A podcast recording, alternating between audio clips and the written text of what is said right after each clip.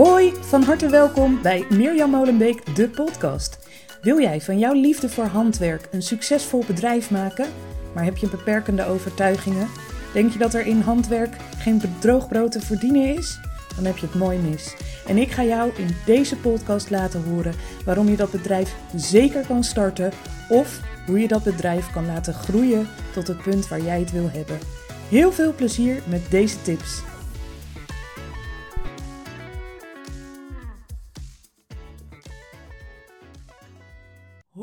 Van harte welkom bij weer een nieuwe podcast aflevering. Uh, ten eerste weer ontzettend veel dank voor alle reacties op de vorige podcast. Uh, het is super leuk nu al te zien hoeveel mensen de podcast volgen en luisteren. En hoeveel uh, uh, jullie al reacties achterlaten. Super leuk. Ik krijg via Instagram en via de mail veel leuke berichten. Dat nou ja, velen van jullie zeggen: Yes, je hebt me geraakt en aan denken gezet. En ik ben weer begonnen met mijn onderneming of met het uitwerken van het plan. Nou, dat kan ik alleen maar zien als een enorm compliment. Ik wens je heel veel plezier en succes met het oppakken uh, als je daar net aan begonnen bent. Um, ook hartstikke leuk, tof als je even een review achterlaat. Dat is ook al gebeurd. Maar Spotify en uh, iTunes gaan dat pas laten zien als er, ik geloof, minimaal 10 reviews ingevuld zijn. Dus mocht je de moeite willen nemen om even op een aantal sterretjes te klikken, dan heel graag. Gauw naar het onderwerp van vandaag. En dat is de volgende, namelijk de beperkende overtuiging die mensen vaak hebben. Uh, dat wat ik wil doen, of dat wat ik doe en niet helemaal doorzet, um, dat doen al zoveel mensen. Um, er zijn al zoveel wolwebwinkels. Nou, dat betwijfel ik, maar die gedachte is er vaak. Of uh, ja, uh, dat wat ik wil doen qua wolwinkel of qua webwinkel, dat is er al. Um, ik uh, verkoop handgebreide mutsjes, maar dat doen er al zoveel. ik wil iets doen met uh, breipakketten uh, met patronen erin voor baby's, maar dat bestaat al. De beperkende overtuiging is vaak heel makkelijk in te vullen uh, en houdt ons tegen. En ik denk dat dat jammer is. En ik hoop je vandaag te laten beseffen dat wat jij wil doen of kan doen, dat dat er misschien al is, maar er is er maar eentje zoals Nou, wat bedoel ik daarmee? Uh, we hebben hier achter, uh, ik woon in Scheveningen en hier vlak achter mijn atelier en mijn huis, mijn atelier en huis zitten heel dicht bij elkaar, zit een redelijk gemiddeld grote winkelstraat. En in die winkelstraat zitten denk ik zeven bakkers. In die winkelstraat zitten zes kappers.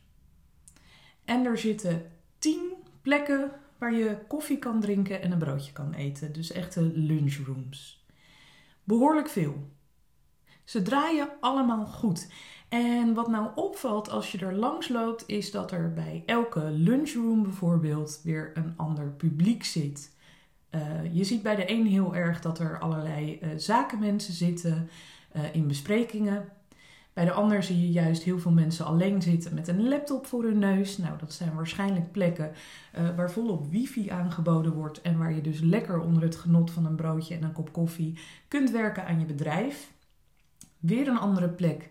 Daar zie je ook veel speelgoed staan en uh, lekkere banken. Nou, daar zie je heel veel uh, ouders zitten met hun kinderen, die dan weer afspreken met andere kinderen. Elke lunchroom, om die maar even als voorbeeld te pakken, uh, heeft een ander publiek. Nou, dat herken je denk ik ook van jezelf als je naar een lunchroom gaat of naar een kapper, waar er ook heel veel van zijn, of nou noem maar op. Dan ga je ergens naartoe waar jij je prettig voelt. En het kan best zijn dat iemand anders zich daar helemaal niet prettig bij voelt. Iemand uh, zonder kinderen of iemand met al oudere kinderen heeft misschien helemaal geen zin om in een lunchroom te gaan zitten waar allemaal gillende peutertjes rondlopen. Heb jij zelf ook zo'n gillend peutertje, dan voel je je daar waarschijnlijk super op je gemak, omdat niet iedereen jou aankijkt dat je peuter aan het gillen is, want iedereen met een peuter weet hoe dat werkt. Zo is het natuurlijk ook gewoon voor jou en jouw eigen bedrijf. Stel, je wil een wolwebshop openen of een wolwinkel. Ja, er zijn er misschien al meer van, hè, van wat jij wil gaan doen of met het soort gades dat je wil gaan verkopen. Uh, alleen er is er maar eentje zoals jij. En uh, nou, als ik het dan even over wolwinkels heb, daar zitten er natuurlijk verspreid in Nederland dan op de vierkante meter helemaal niet zoveel. Um, ik zou denken, zaten er daar maar zes van hier op die winkelstraat. Ik denk namelijk dat dat voor zowel die ondernemers als de klanten goed is. Want eerlijk is eerlijk, als jij, als je luistert en je bent een beetje van het handwerken en breien en haken. Uh, dan zou je het maar al te fijn vinden om hier naar Scheveningen te kopen, komen. En dat je dan zes winkels in één straat hebt zitten. Hè? En dan, dan koop je misschien overal iets. Of dan zijn er misschien twee of drie winkels waar je heel graag naartoe gaat. Omdat jou die aantrekken. Um, dus ja, misschien is er al veel van. Ik denk dat dat in de handwerkwereld wel meevalt. Uh, maar het kan best zijn dat je jezelf die beperkende overtuiging oplegt. Maar er is er maar één zoals jij. En als je dat beseft dan is het eigenlijk vervolgens ook vrij makkelijk om bijvoorbeeld te bedenken hoe je jouw marketingkanalen in wil zetten. Ik noem even weer als voorbeeld Instagram, omdat dat iets is dat ik heel graag en veel gebruik. Um, hoor ik vaak terug van mensen: ja, wat post ik nu weer? Of welke foto moet ik nu weer maken? Of ja, hoe doe jij dat toch de hele tijd die stories vullen? Op het moment dat jij gewoon jezelf laat zien, Laat zien waar je voor staat. Laat zien welke producten je verkoopt. Laat zien met welke patronen je werkt. Laat zien um, waarom jij bijvoorbeeld uh, weet dat jouw babymutsje echt het beste mutsje ever is. Omdat jouw kindje er ook zoveel baat bij heeft gehad. Noem maar op. Alles wat dicht bij jou ligt en wat je deelt, maakt dat mensen kunnen gaan beslissen of ze het leuk vinden om bij jou te kopen, ja of nee.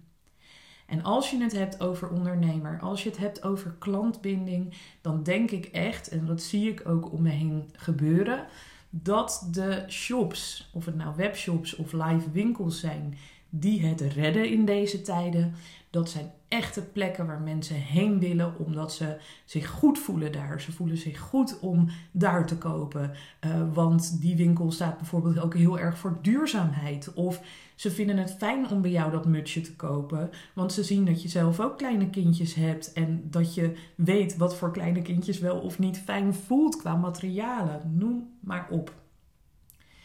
Maar kan dat dan ook betekenen dat mensen afhaken? Ja, dat kan.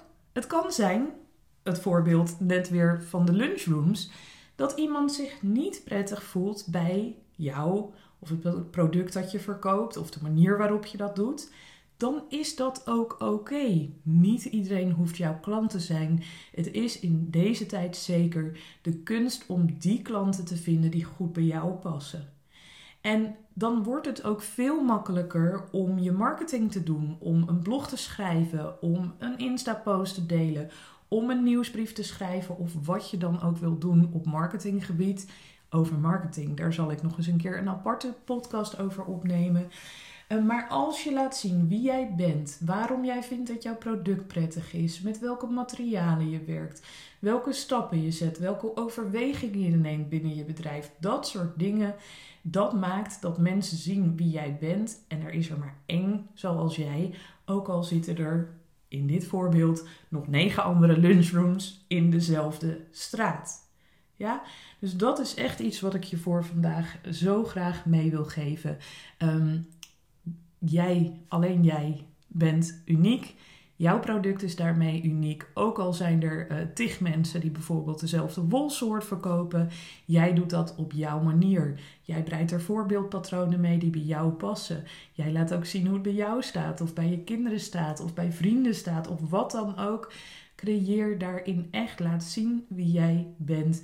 En dan kan die hele beperkende overtuiging van er is al zoveel hiervan, die kan je lekker opzij uh, leggen. Want ja, er is er maar één zoals jij.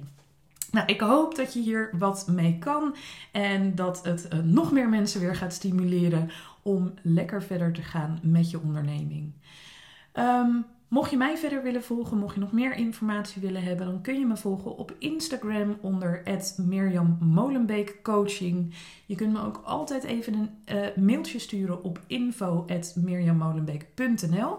Ik heb in de vorige aflevering ook iets meer gezegd over een coachingsdag die ik hier op 28 juni 2023 in Scheveningen ga houden. Dat is een dag waarop je echt naar huis gaat met een hele lijst met actiepunten waarmee jij de komende maanden aan de slag kan om jouw bedrijf te laten groeien. En bovendien leer je er andere ondernemers kennen en nou ja, van elkaar leren. En ook misschien na zo'n coachingsdag is wat met elkaar sparren. Uh, dat is echt mijn ervaring. Dat maakt dat je supersnel groeit. Dat je ook kunt praten over welke beperkende overtuigingen je allemaal wel niet hebt.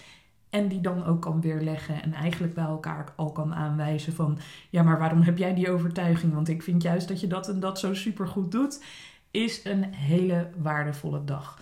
Nou, alle info daarover vind je ook op mijn Instagram-account. Ik heb een fotootje staan waar ik een lichtblauw vestje aan heb.